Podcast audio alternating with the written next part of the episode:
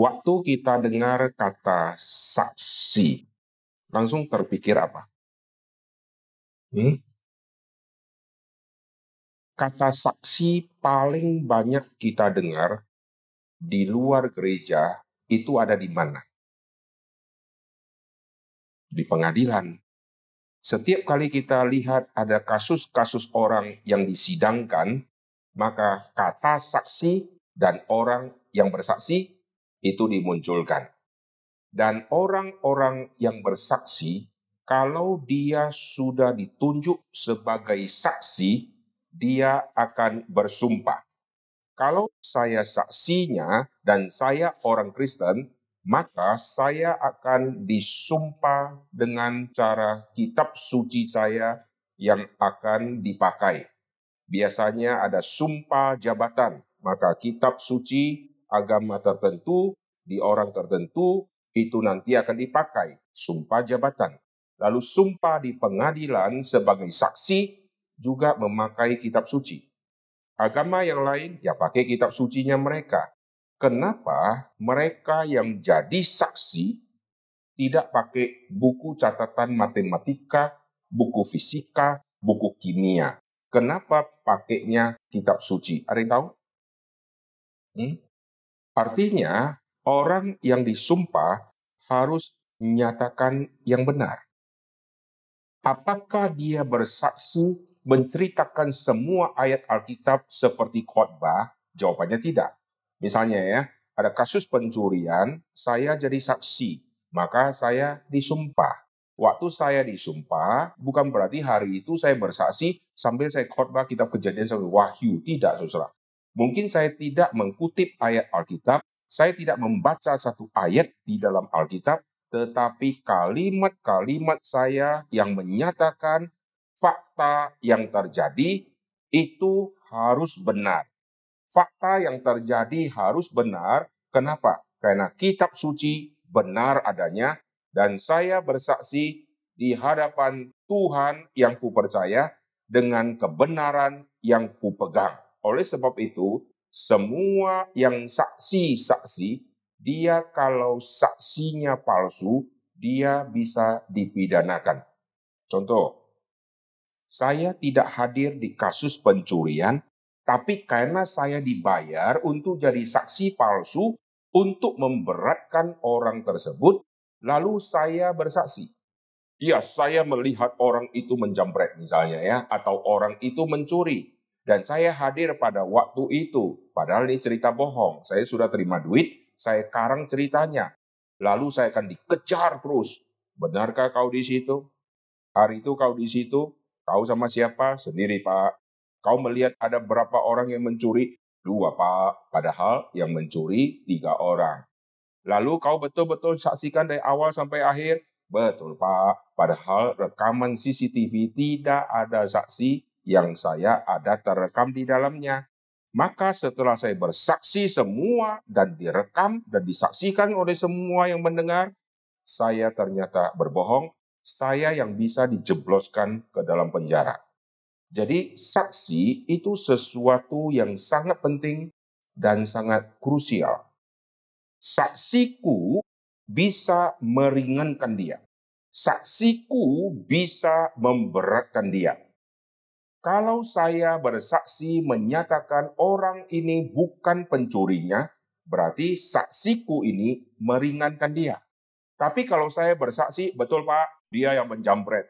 Dan dua bulan lalu dia masuk ke rumah saya. Ini bukti CCTV. Dia juga mencuri di rumah saya. Ini saya saksi memberatkan dia. Jadi saksi bisa meringankan dan saksi bisa memberatkan. Itu di dalam dunia pengadilan. Lalu di dalam kekristenan juga muncul kata saksi. Saksi di dalam tema kekristenan ini bukan seperti saksi di pengadilan yang meringankan sama yang memberatkan. Saksi di dalam kekristenan dan di dalam Alkitab itu adalah martir. Artinya, kau siap mati. Saya kalau bersaksi di pengadilan, saya tidak siap mati. Orang ini mencuri. Masa saya bersaksi orang ini mencuri, saya siap dimatikan atas kesaksian saya. Semua orang bersaksi hanya menceritakan, kalau sudah bicara mati, dia kabur duluan. Contoh, peristiwa pembunuhan, kita perlu ada dua saksi. Dan saksi sudah ditemukan, dan saksi akan bersaksi. Sebelum dia bersaksi, kita kasih tahu dia, tahu tidak? Kau bersaksi, kau bisa mati. Kira-kira yang mendaftarkan diri untuk jadi saksi, lanjut jadi saksi, atau berhenti jadi saksi? Hmm? Jeffrey, kamu bersaksi kasus pencurian atau pembunuhan, gitu ya. Lalu sebelum bersaksi dikasih tahu sama jaksa, kau kalau berani bersaksi, kau harus siap mati. Wah. Lalu dikasih lihat, 15 orang yang pernah bersaksi di persidangan yang berbeda-beda sudah mati semua. Kasih lihat fotonya. Kira-kira berani saksi nggak? Hah? Langsung kita pikir, emangnya gue peduli? Gue saksi tidak saksi juga nggak ada hubungan sama saya, nggak ada faedah buat saya. Lebih baik saya batalkan saja. Kenapa? Karena ada urusan saya bisa mati. Lalu mati kalau ditembak masih enak. Ini mati bisa disiksa. Coba saya bersaksi satu perkara, tapi sebelum saya dimatikan, saya disiksa habis dulu baru mati. Kalau gitu ngapain saya bersaksi, betul nggak? Maka di pengadilan semua saksi-saksi dilindungi oleh hukum. Jikalau hari ini saya bersaksi, setelah saya bersaksi, wah musuh yang merasa diberatkan, maka dia kirim penjahat, kirim kepala misalnya babi, kepala anjing, taruh di rumah saya. Dengan satu tulisan, kalau kau tidak mencabut pernyataanmu, demikianlah kepalamu nanti. Nah, kira-kira kalau kita sudah dapat tulisan itu, apa yang terjadi? Kita bisa meminta pemerintah atau polisi untuk melindungi kita. Maka dikirimlah pasukan untuk menjaga keamanan kita saksi akan dilindungi dan tidak dimatikan. Lebih enak jadi saksi di pengadilan ya.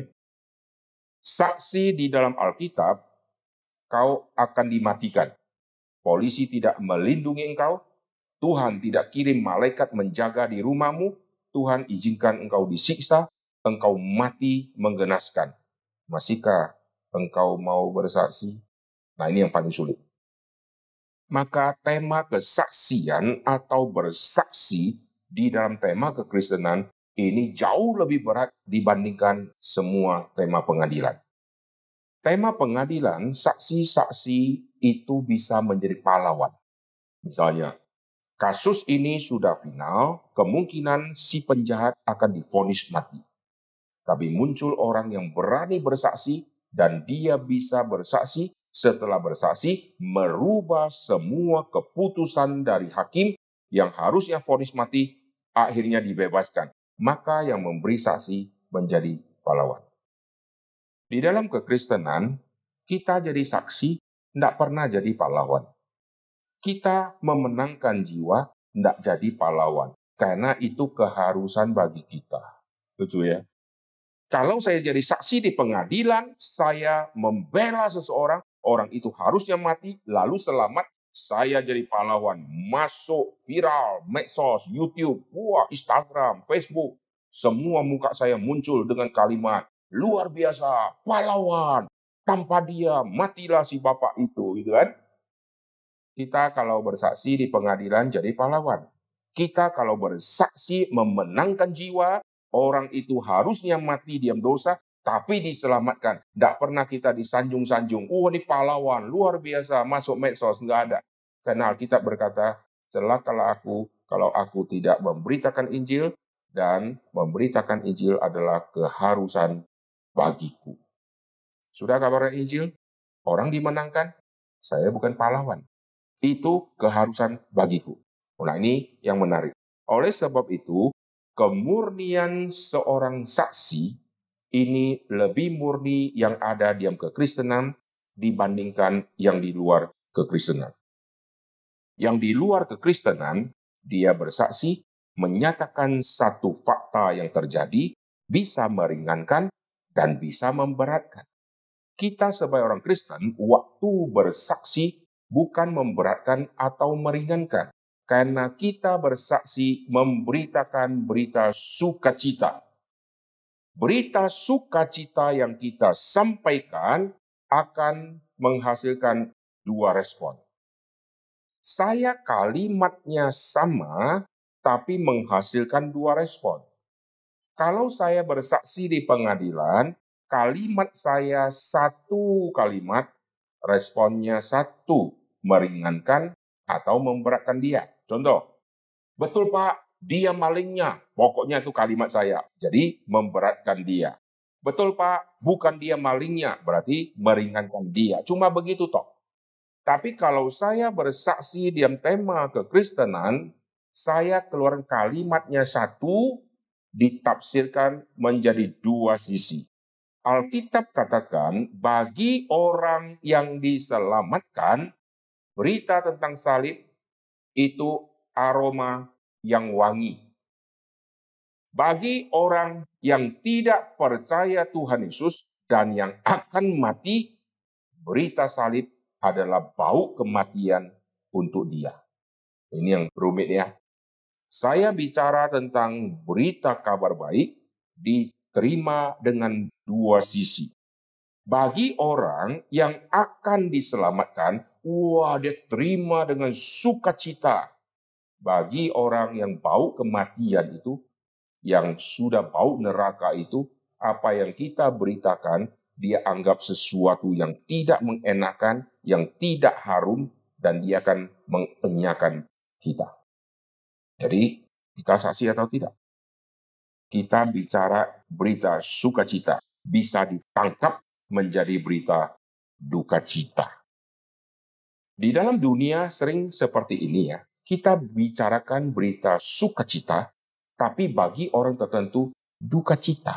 Contoh, ada orang sudah menikah ya, lalu dokter sudah periksa, kandungan sudah dicek, dokter berkata, Ibu, selamat, ibu sudah hamil. Lalu pasangan suami istri saling memperhatikan, saling kaget, dan lemes. Karena mereka rencana kami belum bisa mendidik anak, kami masih susah cari kerja, lalu sekarang hamil. Berita Anda positif hamil, berita yang sukacita, tapi untuk pasangan itu berita duka cita, saudara. Sebagian lagi cerita yang lain. Dua orang yang sudah nikah, sudah lama pengen punya anak, sudah coba banyak uang habis. Lalu akhirnya periksa ke dokter, dokter berkata, ibu selamat, ibu sudah punya anak. Langsung berlutut bersyukur kepada Tuhan. Dokter tuh kaget. Tadi yang datang saya bilang selamat tapi stres. Yang ini gue bilang selamat, berlutut, menyembah saya dan bersyukur kepada Tuhan. Satu kalimat Anda positif hamil diresponi oleh dua ayah dan ibu dengan respon yang berbeda. Maka berita sukacita bisa tiba di orang dan orang terimanya menjadi sukacita. Berita sukacita bisa tiba di orang, orang terimanya duka cita. Saudara pernah alami toh? Saudara pernah alami contoh kasus apa? Bagi orang tertentu senang, sukacita. Tapi orang tertentu tafsirnya duka cita. Kasih contoh. Apalagi yang terjadi dalam hidup yang kalian pernah rasakan. Pemilu. Misalnya ya, kita dua partai nih. Saya partai A, kalian partai B. Saya mencalonkan yang partai A adalah si A. Yang B calonkan si B gitu kan. Lalu mesti ada pemimpin toh Lalu pemimpinnya terpilih si B, yang partai B, hore, itu kan. Yang partai A, wah berkabung dia. Contoh lagi yaitu sepak bola. Dua klub sepak bola. Wah, waktu tanding kita yang adalah yang taruhan misalnya ya, kita pilih yang A, maka kita akan minta Tuhan kabulkan doa kita supaya A yang menang. Lalu waktu si A yang menang, saya senang tidak? Saya senang ya. Saya suka cita ya. Tapi adik saya juga main taruhan, dia pilih yang B. Jadi setelah permainan sepak bola selesai, di keluarga saya ada yang suka cita, ada yang nasib murung. Jelas? Nah, waktu kita lihat satu kejadian bisa satu terjadi, tapi responnya bisa dua. Kalau begitu, lebih baik tidak usah bicara sehingga tidak ada responnya salah juga. Kita tidak gerak pun orang berespon, betul nggak? Contoh ya, saudara banyak berkata-kata, maka banyak kesalahan. Banyak saudara ketik-ketik di komputer, maka paling banyak karakter yang salah yang saudara ketik. Karena kalau banyak saudara ketik, makin tidak ketik, makin tidak terlihat kesalahannya. Betul nggak? Saudara kalau ketik 25 ribu huruf, pasti makin banyak salah dibandingkan saudara ketik dua huruf. Maka lebih enak ketik sedikit, ketik banyak, jadi banyak salah. Alkitab berkata, banyak berkata-kata, banyak salah. Oke, kalau begitu, supaya tidak banyak salah, saya diem. Saudara mulai hari ini diem. Diam pun diresponi dua tanggapan. Orang ini sombong. Diajak ngomong, dia jawab-jawab. Gitu kan? Diresponi jadi negatif. Yang satu lagi meresponi positif. Wah luar biasa ya. Dia siap mendengar apa saja. Dimaki dia diam. Ambil uangnya dia diam. Gampar dia diam. Luar biasa. Kasih Kristus begitu luar biasa dia hidupnya. Yang satu sombong sekali dia ajak ngomong nggak ngomong, senyum nggak senyum gitu ya. Jadi kita diam pun salah, banyak ngomong pun salah. Lalu mau ngapain? Hmm? Mati pun salah. Ada orang yang sudah nikah, lalu istrinya mati. Respon keluar kalimat gini. Terlalu cepat dia meninggalkan saya. Sekarang, kalau yang tua mati, respon orang tua apa?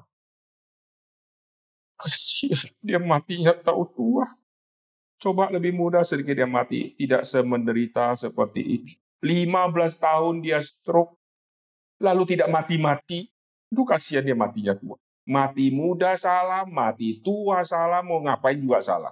Oleh sebab itu, apa yang kita lakukan, tidak usah peduli respon dari orang positif atau negatif. Yang penting saya katakan kebenaran. Tangkap ya. Selama saya katakan kebenaran, pasti ada positif dan negatif. Saya katakan yang tidak benar pun ada positif dan negatif. Saya waktu katakan kebenaran, tidak usah peduli respon dari orang, lu senang atau tidak. Yang penting Tuhanku senang. Itu yang kita akan jalankan. Maka bersaksi artinya menyatakan kebenaran. Kebenaran apa? bukan kebenaran subjektif saya. Kelemahan orang bersaksi adalah bersaksi tentang dirinya yang diselamatkan. Nah, sekarang saya kasih penjelasan begini. Bukankah kita bersaksi, boleh kita selipkan pertobatan kita? Jawabannya silakan. Tapi hati-hati.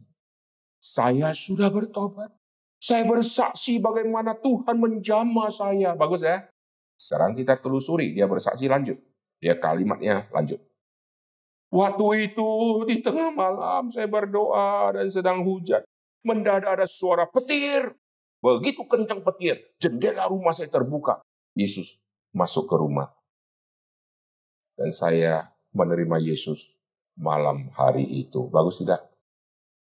Dia tobat tidak? menurut dia dia tobat.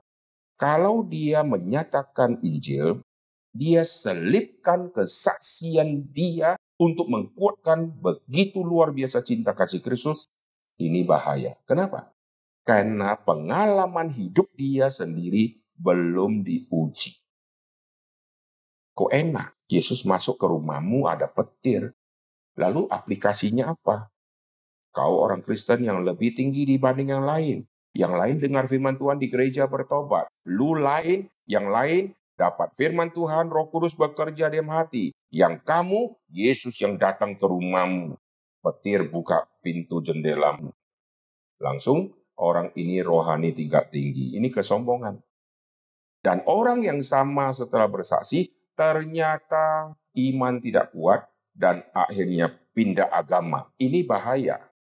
Oleh sebab itu, waktu bersaksi, saudara harus mengutamakan kesaksian firman, bukan kesaksian diri. Karena kesaksian diri bisa salah. Pengalaman kita bisa salah. Saya kasih contoh, orang yang jatuh cinta. Kenapa kamu mau sama dia? Gini loh Pak, pertama kali ya Pak ya, gua lihat dia, langsung kesetrum. Kalau mau kesetrum, coloklah kabel ke listrik.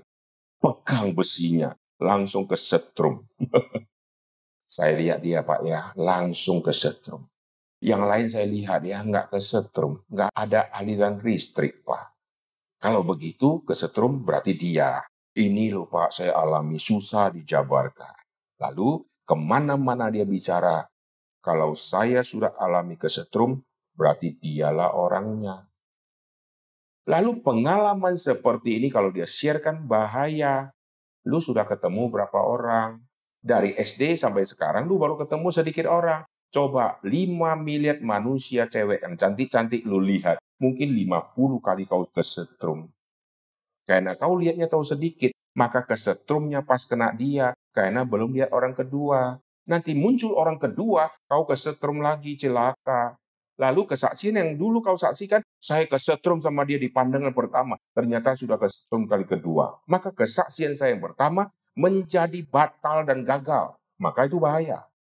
Maka hati-hati kalau saudara sedang bersaksi, lalu saudara selipkan kesaksian saya bertobat. Jikalau kesaksian saya bertobat belum diuji, maka hati-hati jangan sembarangan ceritakan. Pokoknya saya tahu saya sudah selamat. Tetapi jangan dibumbu-bumbui menjadi menarik. Saya sudah selamat. Saya sudah percaya Tuhan Yesus. Sekarang kita kembali Ibu. Ibu, di dalam kitab suci kembali lagi kepada firman. Nah, sekarang saya akan ajak kita melihat di dalam kitab 1 Yohanes. Perhatikan di dalam 1 Yohanes. 1 Yohanes pasal yang pertama. Nanti saya akan kasih contoh-contoh ya, supaya saudara bisa mengikutinya. 1 Yohanes pasal yang pertama, 1 Yohanes itu sebelum wahyu ya, mundur sedikit, ketemu 1 Yohanes. Nah itu pasal pertama. Satu Yohanes ditulis oleh Rasul Yohanes. Lihat ya, Yohanes itu ada tiga kitab. Ada satu Yohanes, dua Yohanes, tiga Yohanes. Lalu ada kitab Yohanes, kitab Injil, ada kitab Wahyu. Itu penulisnya sama. Jadi Yohanes menulis lima kitab. Nah kita lihat satu Yohanes. Ayat yang pertama, apa yang telah ada sejak semula, yang telah kami dengar. Lihat ya, panca indera disebut yang dengar, yang lihat, yang kami saksikan, kami sentuh tentang firman hidup.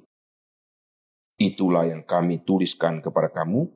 Hidup itu telah dinyatakan dan kami telah melihatnya dan sekarang kami bersaksi dan memberitakan kepada kamu tentang hidup kekal yang ada bersama-sama dengan Bapa dan yang telah dinyatakan kepada kami.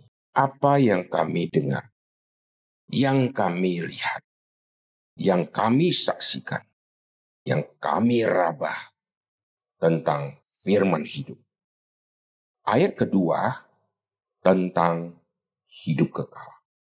Itulah intisari yang kita saksikan.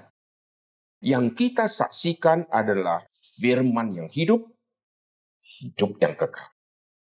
Firman yang hidup. LAI kasih F besar. Ini di dalam bahasa asli memakai kata logos. Logos bisa ke F besar. Firman yang F besar. Tetapi firman juga bisa F kecil.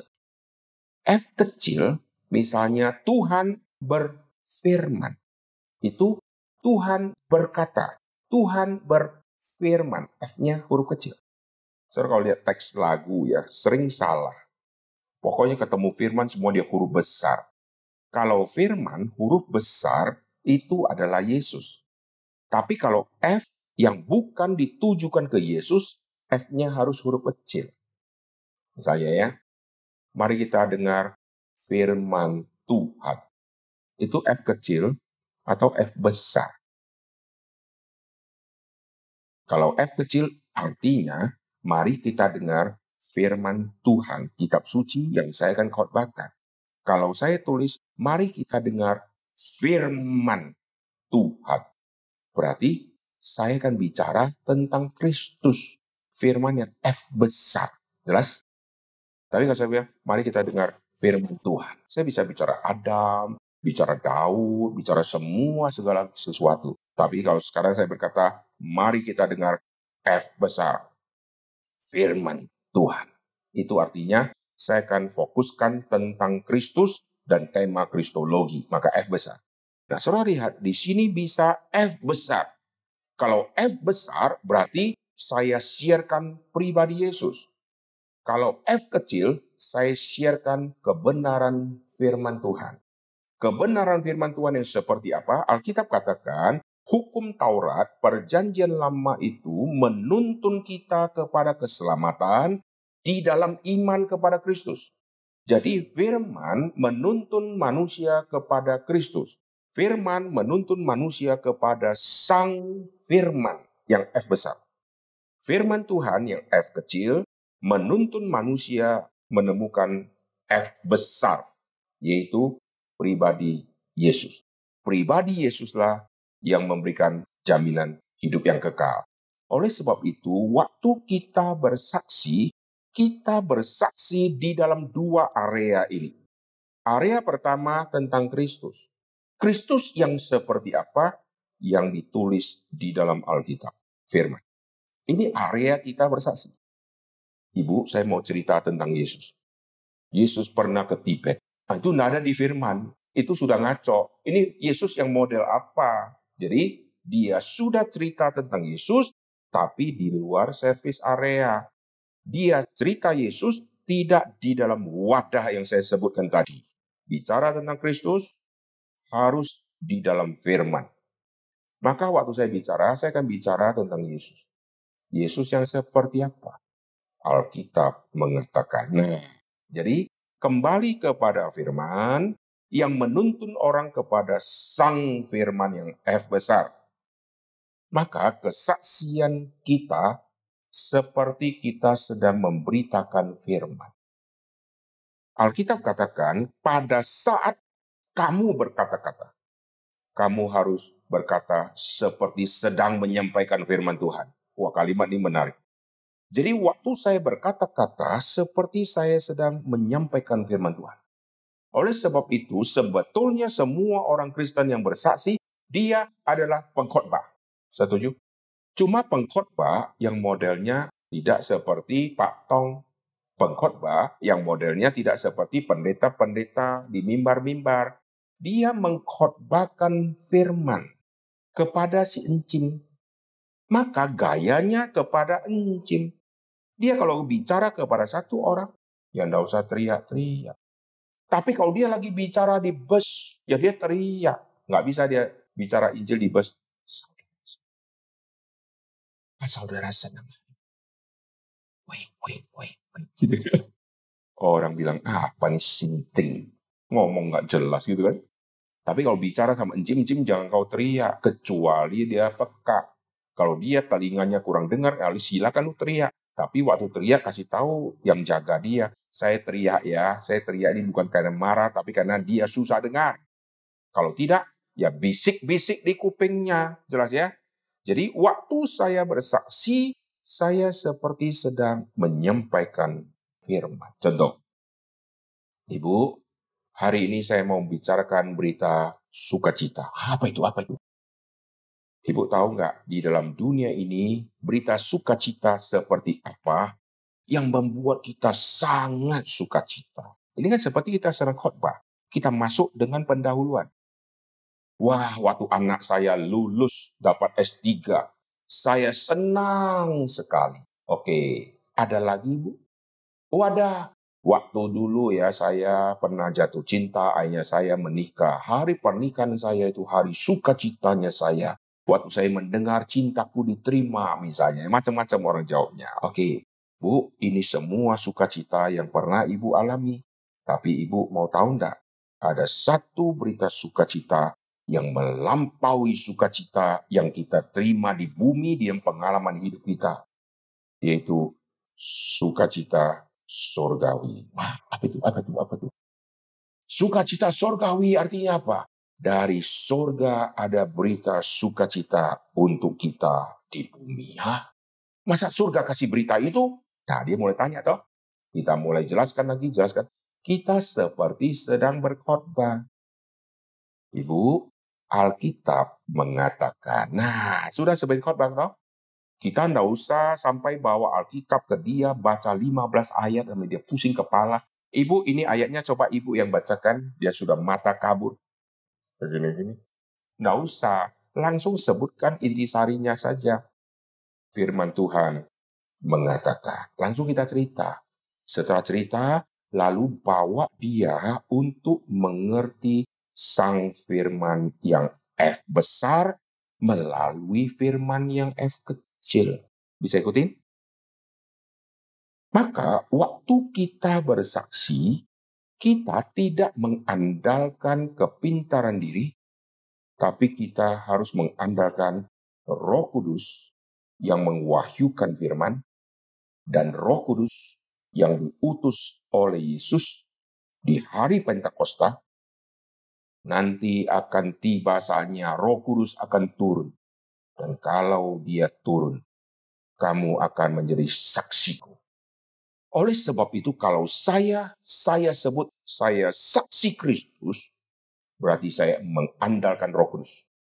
Karena kalau saya tidak mengandalkan Roh Kudus, saksi tentang Kristus yang saya sampaikan itu hanya otak saya yang ngerti tentang Yesus.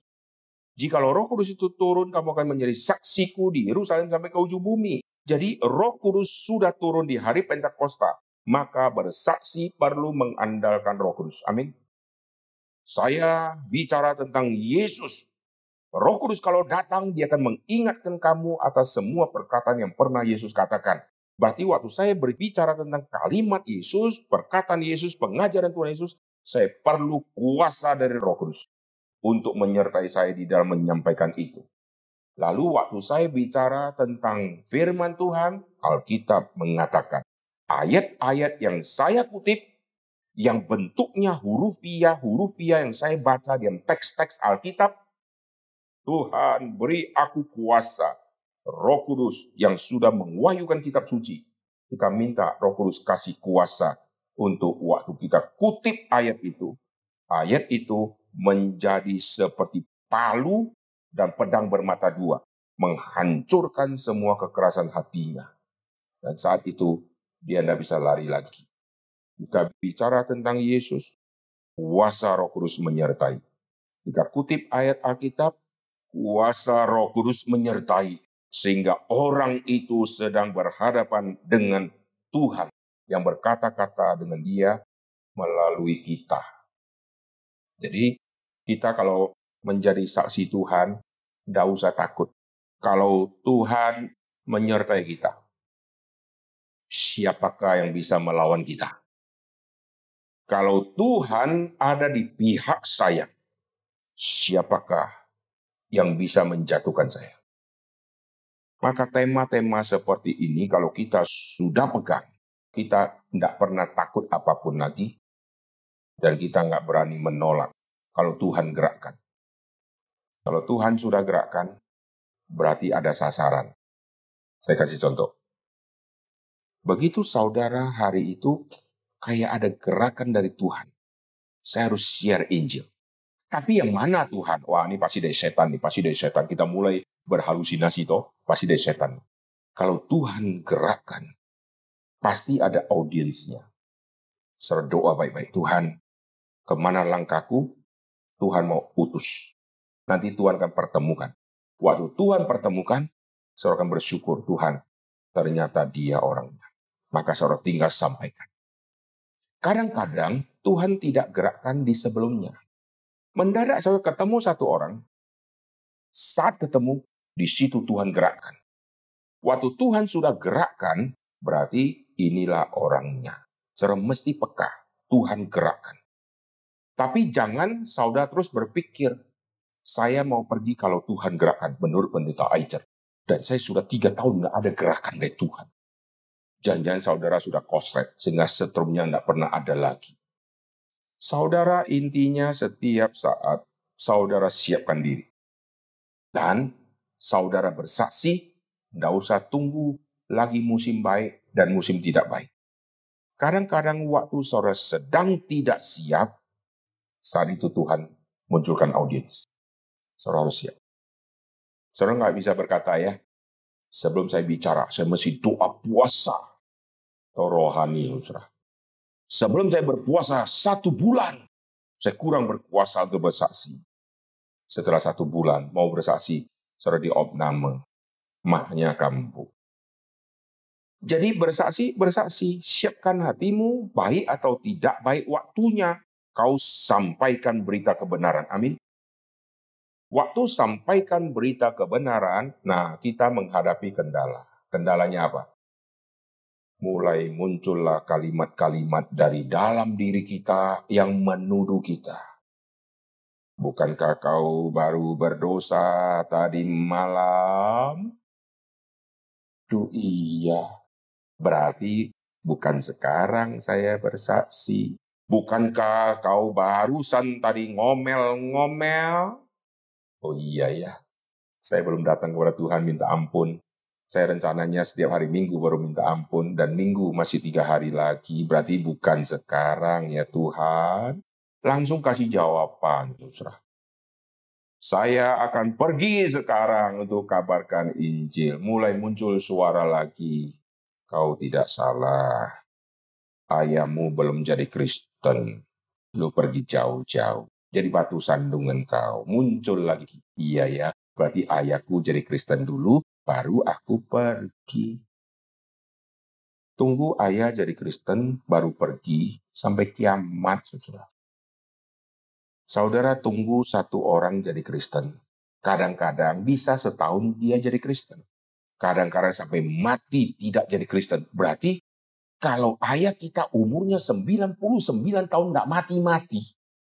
Saudara waktu itu sudah 80 tahun misalnya ya.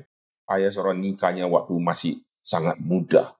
Saudara mau kabarkan Injil mesti menunggu sampai ayah jadi Kristen. Dan ayah waktu mati tidak jadi Kristen. Dan saat saudara mau menginjili, saudara sudah lemah tubuh karena sudah tua. Tidak bisa semua suara-suara yang muncul untuk menghalangi saudara catat. Ingat ya, catat menjadi catatan pribadi saudara karena suara ini akan muncul berulang-ulang. Kadang-kadang ada variasi-variasi tertentu yang tidak sama dengan sebelumnya. Catat saja. Saudara koleksi semua itu, nanti bisa tanya hamba Tuhan. Mana yang suara Tuhan dan mana yang suara setan. Pak Tong pernah bahas ya, suara hati nurani, suara setan, dan suara Tuhan. Nanti kita bisa bedakan dari gerakan yang muncul suaranya seperti apa. Kita melihat di dalam Alkitab ini menarik sekali tentang saksi. Kadang-kadang waktu si Paulus pergi ke satu tempat, Tuhan kasih lancar. Kadang-kadang dia mau ke satu tempat, Tuhan tidak izinkan. Nah, ini menarik. Roh Kudus tidak izinkan Paulus ke tempat tertentu.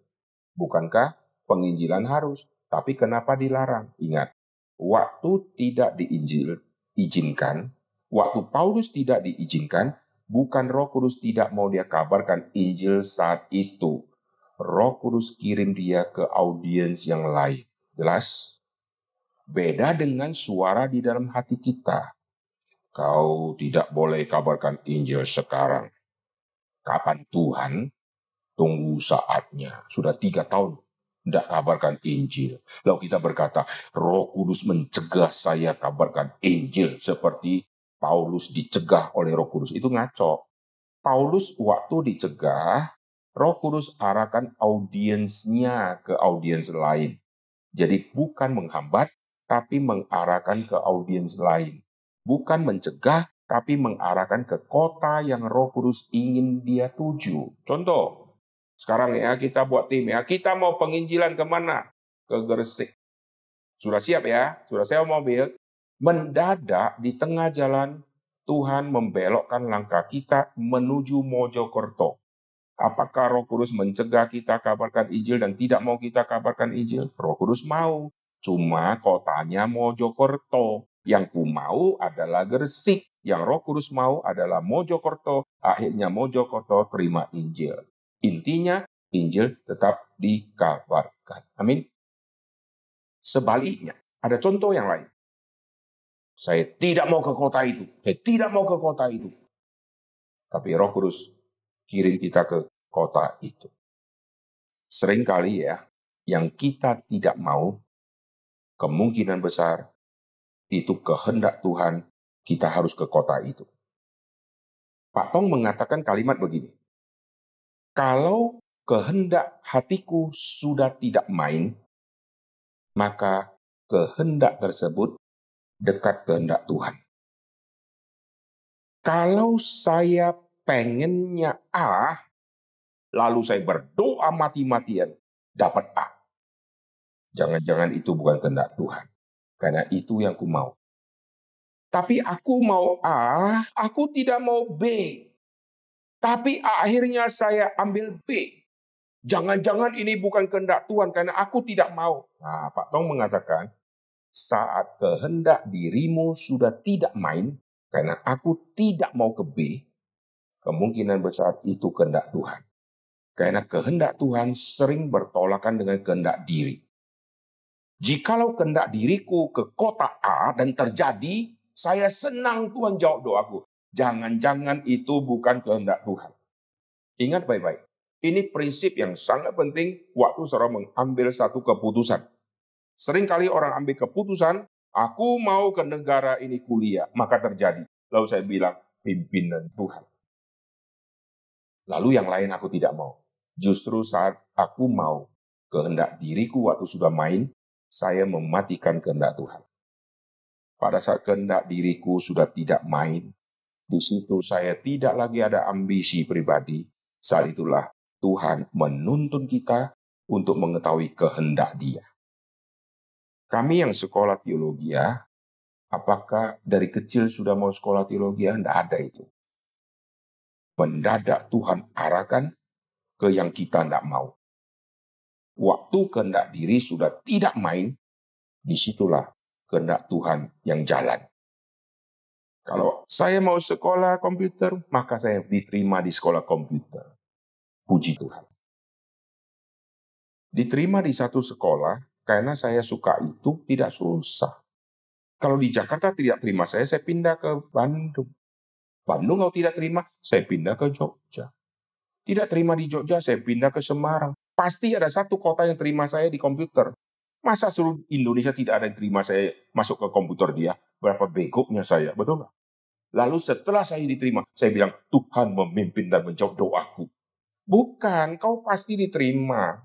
Yang paling kurang ajarnya adalah saya mau di Jakarta, Jakarta Timur, kampusnya A, koordinatnya ini. Nah, itu yang kurang ajar. Dia batasi, suruh Tuhan kabulkan ke situ. Kok enak? Emangnya Tuhan itu peluru kendali yang sudah di set GPS-nya sehingga nanti tepat meledaknya ke sana. Yang agak lumayan, saya mau sekolah fisioterapi di Jakarta. Kalau saya bisa kuliah di Jakarta, berarti Tuhan jawab doaku. Ya pasti masuk. Kenapa? Jakarta begitu banyak tempat. Cari yang paling bagus, nggak diterima. Turun level sedikit yang kurang bagus. Tidak diterima juga. Turun lagi yang sangat kurang bagus. Turun lagi sampai yang tidak terkenal. Pasti diterima. Waktu sudah diterima, kita berdoa. Terima kasih Tuhan. Bukan kehendak Tuhan, kehendakku. Lalu saya mau kuliah fisioterapi. Kita tidak batasi kota. Pasti diterima punya. Carilah semua fisioterapi di seluruh Indonesia. Masa tidak ada satu kampus yang terima saya? Saya bisa bayar, pasti diterima, betul nggak? Nah, lalu kalau saya diterima karena saya mau, berarti itu pimpinan Tuhan belum tentu. Sekarang yang kamu paling tidak mau apa? Matematika, fisika. Kenapa kita tidak senang itu? Karena susah toh. Nah, waktu susah kita mulai menghindari.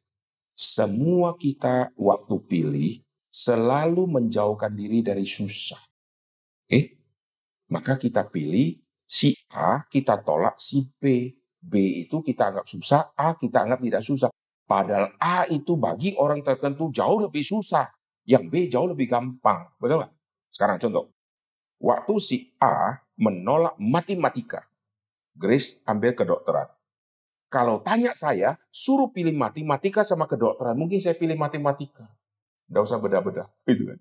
Bagi saya matematika mungkin jauh lebih ringan. Tapi bagi dia, dia berat. Jadi intinya waktu saya tolak sesuatu, karena sesuatu itu sukar bagi saya, dan membuat saya stres dan berat, saya susah untuk memikirkan ke sana, maka saya larikan diri, saya pilih yang ringan. Setelah saya pilih yang ringan, saya serahkan ke Tuhan. Tuhan, kehendak boleh jadi. Oleh sebab itu, kalau suruh jadi hamba Tuhan, semua tolak. Kenapa? Karena jadi hamba Tuhan rumit, susah. Pasti langsung dibuang. Karena susah, susah. Waktu kita tolak yang susah, jangan-jangan inilah kehendak Tuhan. Ingat baik-baik. Kita waktu bersaksi juga sama. Aduh, saya ya lebih cocok bicara sama anak kecil. Kenapa? Anak kecil tidak bisa lawan, tidak bisa debat. Lalu kita berkata, saya bebanku untuk anak kecil. Kepada orang dewasa, enggak, enggak, enggak. Karena ketahuan bodohnya dia, maka dia dikritik, didebatin. Lalu yang aku suka, saya terus layan di situ. Oh, belum tentu itu kehendak Tuhan. Yang aku tidak suka, Jangan-jangan Tuhan mau kita layan di sana supaya kita maju dan bertumbuh. Kalau yang dewasa suka kritik saya, maka saya harus belajar lebih dalam. Anak kecil nggak kritik saya, saya senang. Akhirnya saya nggak pernah maju-maju. Jelas ya? Nah, sekarang kita kembali ya tentang bersaksi. Jadi apa yang ku dengar, apa yang ku lihat, apa yang ku saksikan, dan apa yang ku rabah. Itulah yang ku beritakan. Jadi Beritakan bukan sesuatu yang muluk-muluk. Yang kita dengar firman Tuhan setiap saat. Yang kita sudah saksikan bagaimana Tuhan bekerja. Itulah yang kita siarkan. Kita tahu Alkitab. Kita baca Alkitab. Kita tahu keselamatan di dalam Kristus. Itulah yang kita saksikan. Itu berita sukacita. Bagi orang yang akan diselamatkan, itu bau yang wangi. Bagi orang yang tidak diselamatkan, itu bau kematian. Urusan dia sama Tuhan. Urusanku sudah selesai saya kabarkan, urusan dia tolak, dia akan berhadapan dengan Tuhan. Ya bukan tolak saya, dia tolak firmannya Tuhan, dia akan bertemu sama Tuhan. Kita tenang saja. Kita kalau ditolak nggak usah marah. Saya tugasnya sudah selesai. Saya sudah sampaikan. Tapi sampaikan jangan cari musuh. Sampaikan dengan sikap ramah, sikap sopan. Lalu beritakan berita sukacita ini, dia tolak. Tugasku sudah kusampaikan dengan ramah, dengan baik. Dia tolak, dia akan berhadapan dengan Tuhan. Amin. Sekarang terakhir. Waktu kita bersaksi. Apakah kita perlu betul-betul sampai sudah 100% siap dan mengerti seluruh Alkitab? Hmm? Saya tanya, perempuan Samaria, waktu ketemu Yesus, dia lulusan teologi enggak? Orang seperti itu, saya yakin tidak pernah baca Alkitab. Seorang yang punya suami simpanan begitu banyak, layani suami saja sudah tidak keburu waktunya. Siang orang takut keluar, dia ambil air. Kalau dia siang baru ambil air, berarti tugasnya sudah pending. Saudara. Kenapa orang bangun pagi-pagi timba air? Supaya dia bisa kerjain sesuatu, siangnya sudah agak lebih longgar. Tapi kalau dia siang baru ambil air, dia pasti bangunnya agak siangan. Lalu sudah ambil air, semua tugas hanya molor sampai ke bawah-bawah. Nah orang kayak begini, masih ada waktu baca firman? sekolah teologi awam, ikut kelas PA, nggak mungkin muncul orang ini.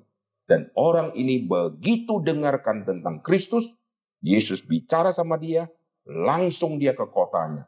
Membawa begitu banyak orang datang kepada Yesus. Intinya apa? Bukan tunggu saya mengerti 100% kejadian sampai wahyu.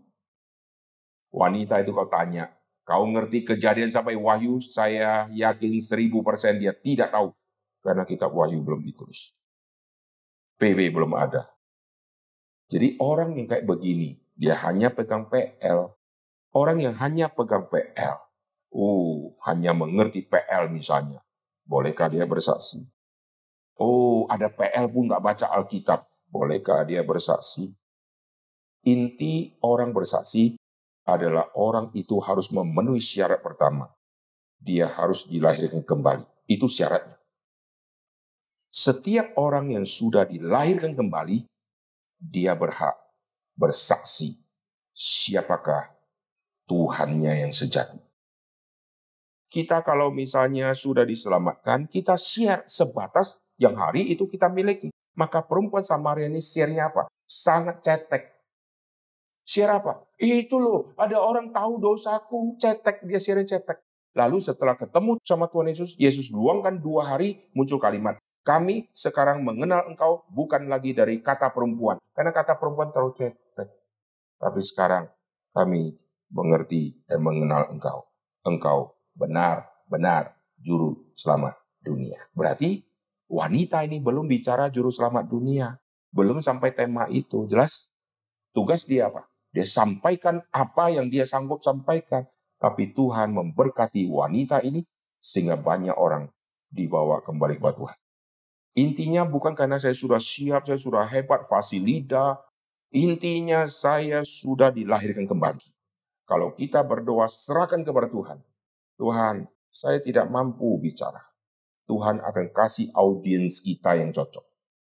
Wanita ini dikasih audiens yang cocok. Kalau wanita ini pergi ke Yerusalem, langsung dilempar batu dia. Enak saja orang kafir bisa masuk ke Yerusalem ke bait suci. Gak bisa, itu bukan medan dia. Medan dia ya kembalilah ke Samaria. Akhirnya membuahkan hasil yang begitu banyak. Amin.